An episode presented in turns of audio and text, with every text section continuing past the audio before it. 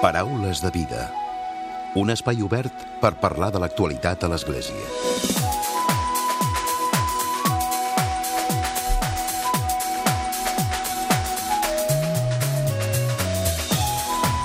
Què tal? Salutacions i molt bon dia, molt bon diumenge. Avui, per tancar temporada, volem conèixer el projecte de les escoles salesianes de segona oportunitat. Es vehiculen a través de les plataformes d'educació social salesianes, entre les quals també hi ha Salesians Sant Jordi. Es tracta de donar atenció als joves d'entre 15 i 29 anys que no tenen feina o que no tenen formació a través d'un model pedagògic que diuen és original i innovador. Segons ens expliquen des de Salesians, això es fa a través d'itineraris personalitzats i un reforç en competències bàsiques. Es tracta d'un projecte que funciona amb èxit en d'altres països com França o Portugal. En definitiva, les escoles de segona oportunitat són un instrument per tal que molts joves que queden fora del sistema educatiu, de la formació professional o laboral, puguin reprendre un projecte personal però també professional de futur i digne. Un projecte que també fa molt poc ha arribat a la ciutat de Barcelona.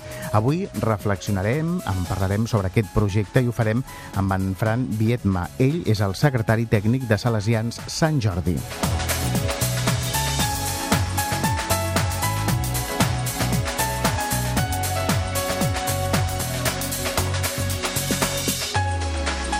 Com sempre, a la recta final del Paraules arribarà un nou comentari de l'actualitat de Francesc Romeu. Comencem.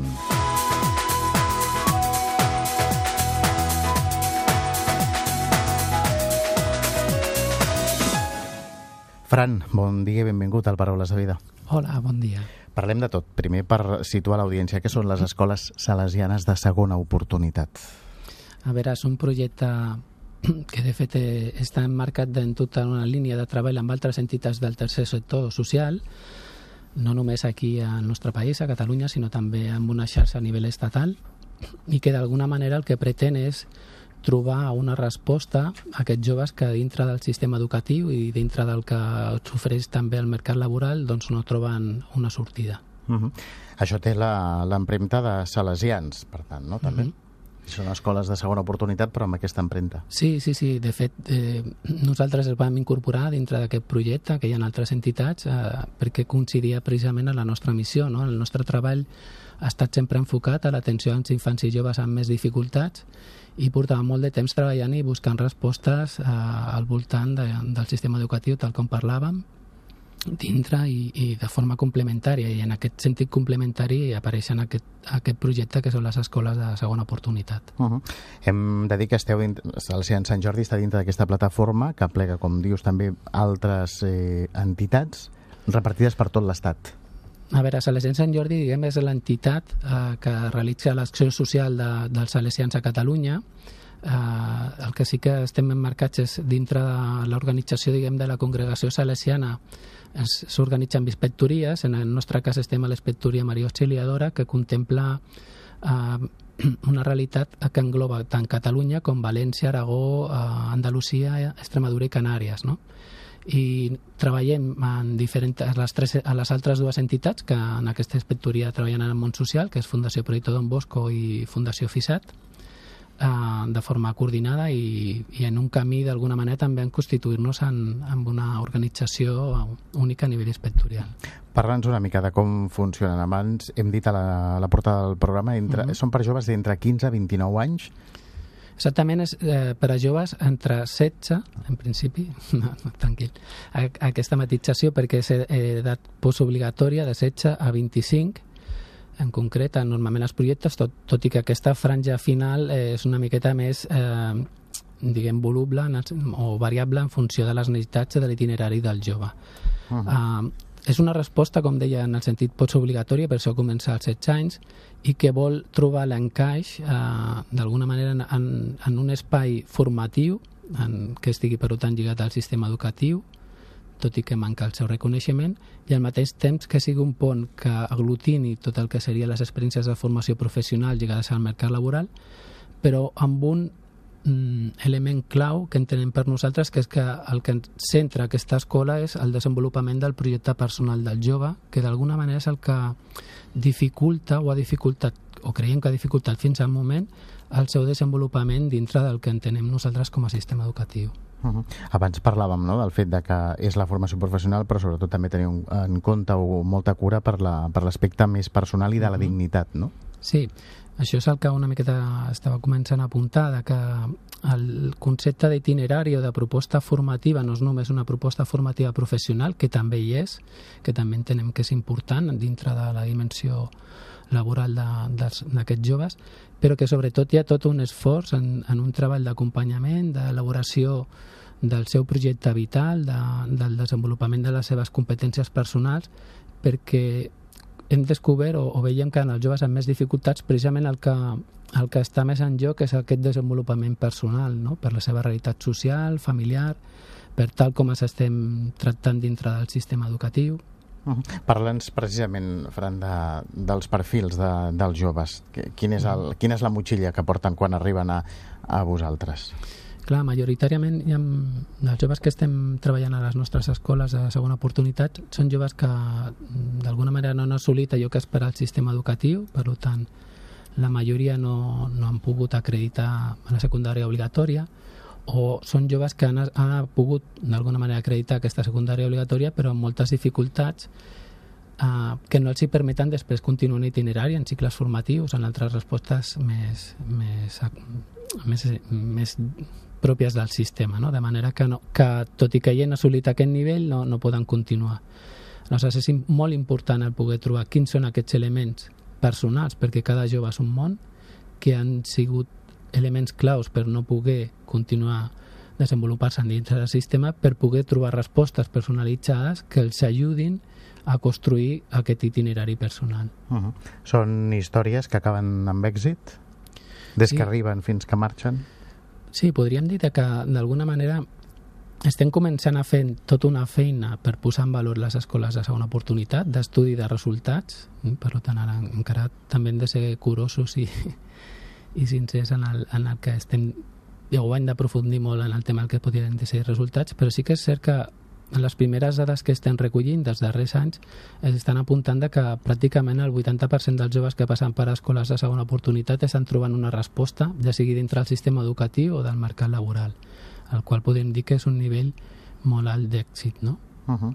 I insistint sobretot amb, amb, amb la petjada salesiana, no? amb aquests valors. Sí, sí, sí. De fet, la nostra resposta i la nostra aposta per aquest projecte és perquè creiem que dona l'oportunitat d'allò que sempre han cregut des de, des de l'ambient salesià, des que tots els joves tenen unes habilitats, tenen unes capacitats que hem d'explorar i que hem de fomentar i que d'alguna manera l'important és aquest desenvolupament personal integral i aquest crec que és un enfoc que recullen les escoles de segona oportunitat i que ens ha fet apostar per aquest model. Uh -huh. En el vostre àmbit d'actuació, quantes escoles n'hi ha actualment? Actualment nosaltres a Salesian Sant Jordi eh, tenim quatre escoles a Catalunya, una a Mataró, una a Lleida i dues a la ciutat de Barcelona, Martí Codolari al centre Cruïlla, que estan reconegudes i acreditades per la iniciativa de la xarxa estatal d'escoles de segona oportunitat, que una de les mm, línies que ha desenvolupat és precisament el tema de l'acreditació, el poder trobar uns criteris de qualitat que defineixin què és una escola de segona oportunitat i què no és. I, de fet... Quina seria... O sigui, uh mhm. -huh. Quan es marca aquesta sí. distinció, per què es fa?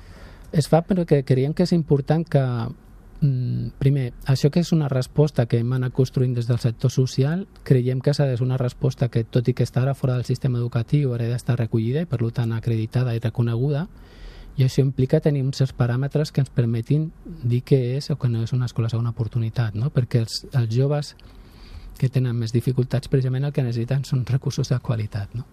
Aleshores, es va estar desenvolupant tot un model d'acreditació amb una sèrie de criteris, mm, d'elements que puguin definir què és aquesta escola i es va engegar un procés o un sistema, un procediment d'acreditació en el qual participen entitats acreditadores com Educatia, que, és, que són reconegudes en aquesta funció i que estan treballant durant molts anys en el tema també del, en el món educatiu i que han realitzat un procés d'acreditació d'unitats de centres arreu de l'Estat.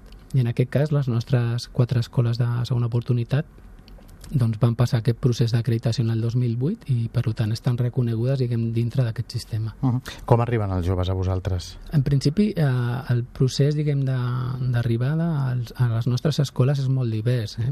Nosaltres entenem eh, que intentem donar respostes integrals en, la, en una diversitat de projectes que treballen en, en entorns amb dificultats, per tant hi ha molts joves que arriben dintre del que podrien dir les, el seu itinerari a partir d'altres projectes que estem treballant en l'àmbit socioeducatiu, més preventiu, o poden arribar derivats de, del que seria la xarxa de serveis socials en els quals en els territoris estem treballant o el que serien xarxes d'ocupació. Les diferents realitats que hi ha a, a Catalunya amb aquestes quatre escoles que uh -huh. teniu, depenent d'on te siguin, a Mataró o allà on siguin, fa que, que els perfils dels nanos siguin diferents o més o menys són similars? Són perfils eh, bastant semblants. Eh, sí que és cert que podríem dir que després del que podrien ser la proporcionalitat de certes característiques depenent del territori doncs és més variable, hi ha, potser hi ha població um, amb un nivell d'èxit escolar més alt en un lloc que un altre, però podríem dir que la diversitat en el seu conjunt, entesa com a, amb aquesta diversitat, ens dona un perfil molt comú de, de jove. Uh -huh. Ara ho dèiem també a la portada, fa poc que s'ha posat en marxa a la ciutat de Barcelona, no? Uh -huh. Sí, ara... Un, un altre centre. Sí, ara hi ha, un, podríem dir, un cinquè centre que participen en la cogestió d'aquest servei, perquè és un servei municipal d'Escola Segona Oportunitat que es posarà en marxa eh, durant el curs vinent i que estem treballant conjuntament a la Fundació El Llinda i que està sota el paraigües de, com deia, de, de l'Ajuntament de Barcelona, de l'Institut Municipal d'Educació. Uh -huh.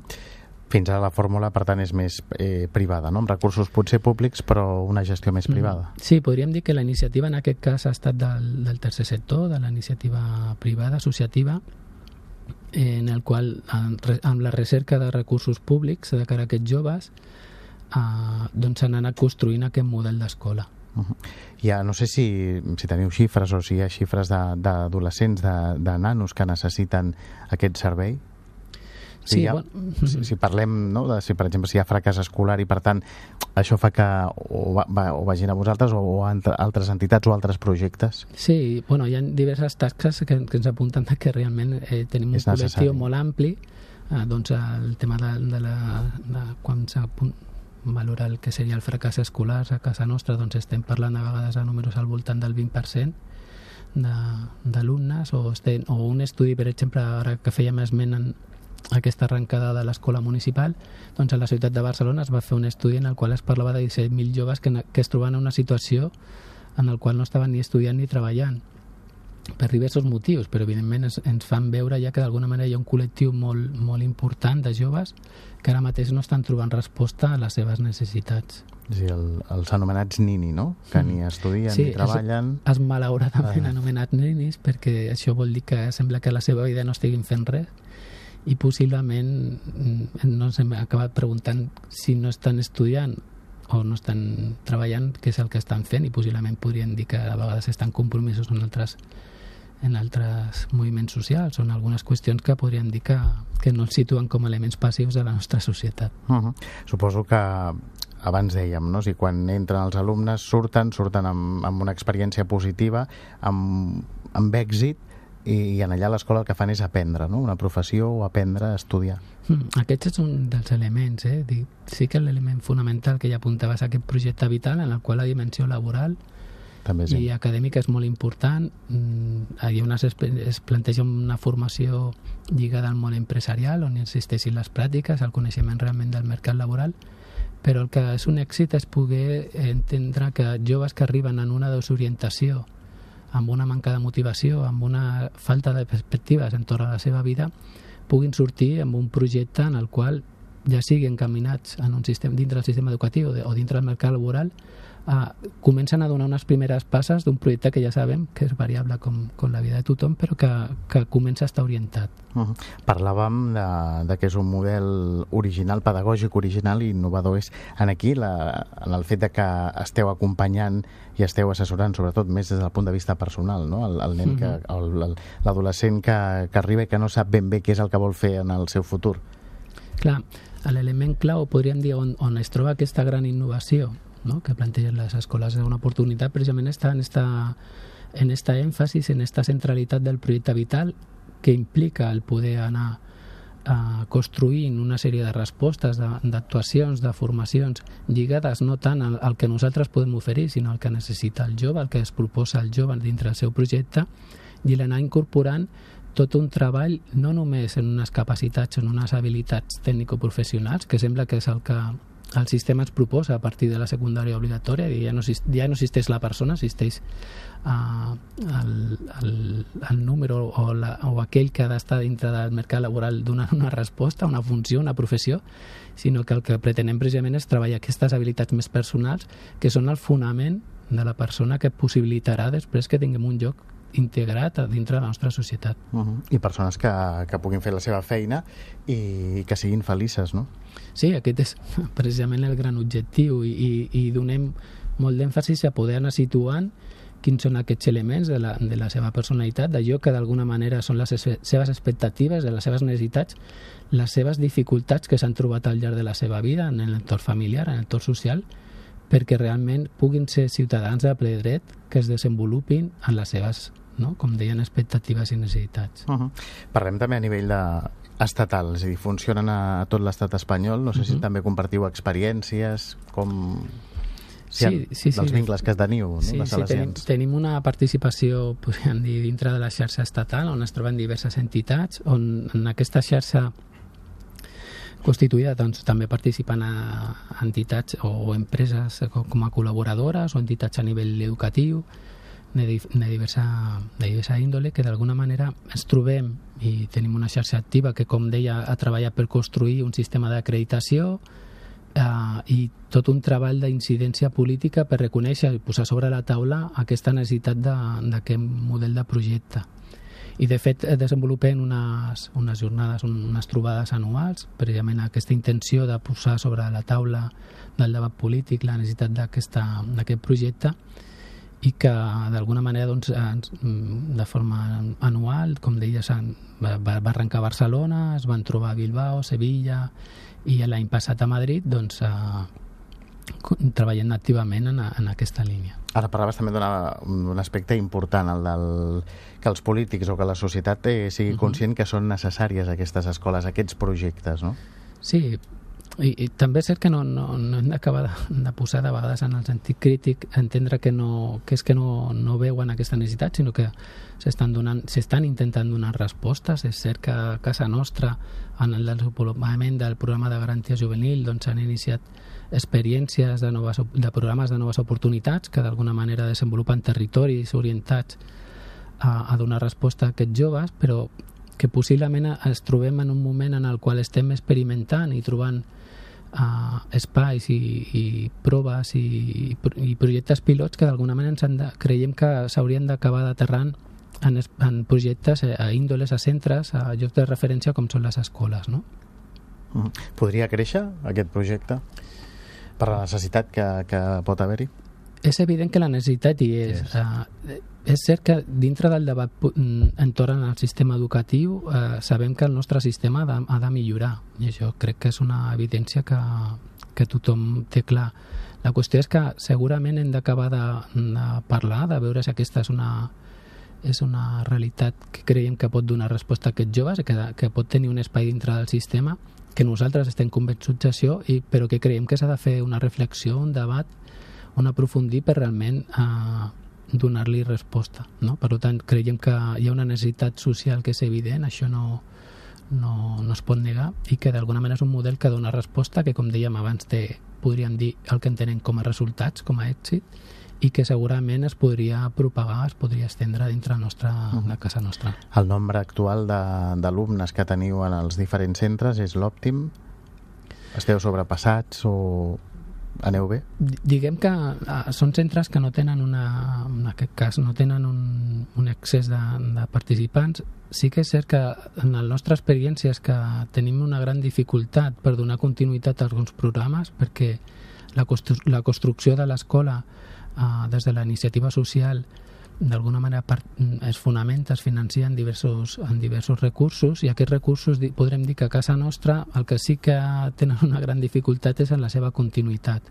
Per tant també hem de donar-li continuïtat. donar-li continuïtat, per què? Doncs perquè nosaltres, com dèiem abans la resposta de l'escola segona oportunitat és una resposta integral on es, introduïm elements del sistema educatiu, elements de, de, de polítiques actives d'ocupació i que d'alguna manera aquestes, aquestes polítiques, aquests finançaments doncs no tenen la continuïtat que haurien de donar-se perquè d'alguna manera poguéssim assegurar que sempre podem realitzar aquestes formacions quan, quan pertoca. Per tant, la gran dificultat és, per un costat, és cert que treballem en, en centres on estem treballant en voltant de 150 joves al, al llarg de l'any, a cadascun d'aquests. Que van passant... Que van passant, no?, amb itineraris de dos a quatre anys, d'alguna manera, com a mitjana, i que el que sí que és important és que trobem aquests recursos d'alguna manera que eh, adients per a aquests joves en el moment adequat, no? i això és una gran dificultat en aquest moment. Uh -huh. Doncs avui hem volgut parlar en aquest últim programa de la temporada del Paraules de Vida d'aquestes escoles salesianes de segona oportunitat. Ho hem fet amb en Fran Vietma. Ell és el secretari tècnic de Salesians Sant Jordi, on es desenvolupa aquest projecte aquí a Catalunya. Fran, gràcies i bon estiu. Moltes gràcies, igualment. Paraules de Vida un espai obert per parlar de l'actualitat a l'Església. I tot seguit arriba també l'últim comentari de la temporada de Francesc Romeu. Francesc, molt bon dia. Molt bon dia a tothom i és veritat, ens anem de vacances i a mi m'hagués agradat molt acabar el curs amb una molt bona notícia, però no podrà ser. Més aviat acabo el curs amb una notícia que ens deixarà amb mala consciència tot l'estiu. El nombre de persones que passen fam al món ha augmentat per tercer any consecutiu. Es calcula que més de 821 milions de persones han viscut sota la malnutrició durant l'any 2018, degut principalment a la dèbil recuperació econòmica després d'aquests darrers anys de crisi que es va iniciar el 2008. La població mal alimentada ha augmentat en 10 milions sobre ja els 811 milions que portàvem l'any 2017. Així ho constata l'informe titulat La seguretat i la nutrició en el món i realitzat per cinc agències de les Nacions Unides. Segons aquest document, es tracta d'uns 77 països del món que han experimentat com augmentava la desnutrició en aquests darrers 10 anys, degut a aquesta desacceleració econòmica i a l'afabliment de les seves economies simultàniament. D'aquests 77 països, uns 55 depenien principalment del comerç de productes bàsics i de l'oscil·lació dels seus preus. A tot això també li hem de sumar els successos que s'estan produint en l'agricultura degut al canvi climàtic, que ha convertit en cícliques les sequeres en la meitat dels països que ja estaven ofegats per les seves crisis alimentàries agudes, afectant ja a 96 milions de persones en l'any 2018. Alguns d'aquests països també els hi hem de sumar les seves inestabilitats polítiques i les guerres, com és el cas de tot l'Orient Mitjà, i més concretament de Síria i del Iemen. Dels 821 milions de persones que passen fam al món, més de la meitat, 514 milions, es localitzen a l'Àsia, on afecta a més de l'11% de la seva població. Seguit de l'Àfrica, amb 256 milions, on afecta gairebé el 20% de la població, i acaba amb els més de 42 milions d'Amèrica Llatina i el Carib, on afecta el 6,5% de la seva població. En unes declaracions a l'agència EFE, Marco Sánchez Cantillo, que és un especialista de l'Organització de les Nacions Unides per l'Alimentació i l'Agricultura, la FAO, amb seu a Roma, deia que, a més a més d'una resposta humanitària, el que cal fer és treure la gent de la pobresa, reduir les desigualtats i fomentar el desenvolupament d'aquestes persones per tal que tinguin la capacitat de sortir de la fam ells mateixos. El que em resulta curiós d'aquest estudi que s'ha presentat és que s'ha detectat que paral·lelament a la fam en el món també creix l'obesitat i el sobrepès, i que això no afecta només els països rics, degut a un mal menjar en greixos i al menjar ràpid dels fast foods, sinó també en els països pobres, on la fam i l'obesitat coexisteixen perquè les persones que tendeixen a sofrir la inseguretat alimentària solen ser els més pobres i veuen més fàcil d'accedir a aliments barats, però molt abundants amb sucre, sal, greixos saturats i molt processats. La única dada que sembla una mica esperançadora d'aquest estudi és que, per sort, el nombre de menors que pateixen retard en el seu creixement per la desnutrició crònica ha disminuït en un 10% en els darrers 6 anys, però encara són una xifra molt alta, prop de 150 milions, i els avenços són massa lents. Si seguim així, estem molt lluny d'aconseguir la definitiva erradicació de la malnutrició que s'havia proposat d'aconseguir pel 2030 dins dels objectius del desenvolupament sostenible del planeta. Davant d'això, les Nacions Unides fa una crida a multiplicar els esforços i atendre les desigualtats i protegir els més vulnerables.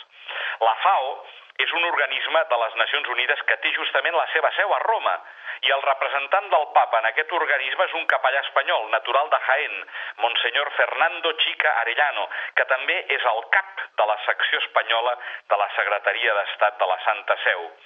Referint-se a ell aquestes dades ha dit que no són simplement fredes estadístiques, sinó que són històries i relats de vides truncades, futurs que veritablement no es podran dur a terme perquè molts deixen la seva vida pel camí mentre hi hagi un nen que vagi al llit a la nit plorant amb l'estómac buit, mentre hi hagi un jove que no pugui menjar, mentre hi hagi una mare que no pugui alimentar un fill, les llàgrimes hauran de ser les nostres companyes. Bones i merescudes vacances a tots i molt bon diumenge a tothom!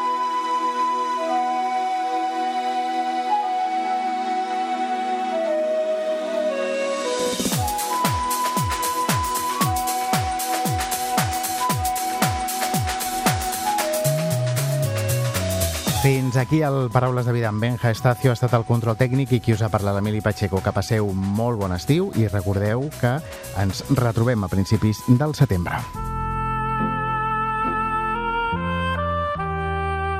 Us oferim la carta dominical de l'arcabisbe de Barcelona, Joan Josep Omella. Déu vos guard. La crisi econòmica va deixar molta gent en situació d'atur però des d'aleshores, prop de mig milió de persones han trobat feina a Catalunya. Malgrat aquesta dada positiva, vam sortir de la crisi per la porta del darrere, ja que des de llavors ha augmentat i molt la precarietat laboral. Creix el nombre de persones ocupades amb dificultats per sortir del llindar de la pobresa, afectades per unes condicions laborals precàries, sous baixos, hores intermitents de feina, contractes inexistents, horaris intempestius. El drama de la precarietat laboral afecta tots els àmbits de la vida. Les persones que pateixen aquesta situació les fem invisibles i se senten desprotegides, atrapades, explotades i devaluades. Perquè moltes vegades l'única porta d'entrada al mercat laboral és mitjançant una relació laboral fora de la legalitat que fa que el treballador no consti en lloc. Desprotegides, perquè no tenen dret a prestacions per desocupació, per incapacitat temporal o accident de treball i en el futur tindran, en el millor dels casos, una jubilació precària. Atrapades, perquè la precarietat laboral fa que la persona concentri els seus esforços a sobreviure amb incapacitat de planificar més enllà. No és estrany que quan els pares estan concentrats en cobrir les necessitats més bàsiques desatenguin altres aspectes quotidians que són importants dins l'àmbit familiar. També se senten explotades i devaluades perquè sovint les condicions que han d'acceptar són humiliants i les accepten perquè no tenen més opcions per tirar endavant. Aquestes són ara les regles de joc del mercat laboral, marcades per la precarietat, tanmateix hi ha moltes entitats d'església que neden contracorrent i treballen perquè les persones recuperin la confiança en elles mateixes i se'n surtin. La clau és escoltar i acompanyar. Només així podrem ajudar els nostres germans a redescobrir el seu potencial perquè puguin trobar una solució a la seva situació. Volem, amb l'ajuda de Déu, ser petits punts de llum enmig de la boira. És possible revertir aquesta situació, però per això és molt important arribar a ser plenament conscients del sofriment de molts veïns nostres, experimentar en la nostra carn el seu dolor i la seva angoixa. Si tots ens hi posem, podem donar la volta a aquesta situació i fer que el treball precari esdevingui més digne i decent. Sant Joan Pau II ens deia el treball constitueix una dimensió fonamental de l'existència de l'home a la terra. Benvolguts germans, el treball és essencial per a les persones. Ens permet sobreviure i mantenir la família, realitzar-nos, desenvolupar les nostres capacitats i contribuir al bé comú de la societat. Entre tots podem reduir la precarietat laboral. Us hem ofert la carta dominical de l'arcabisbe de Barcelona, Joan Josep Omella.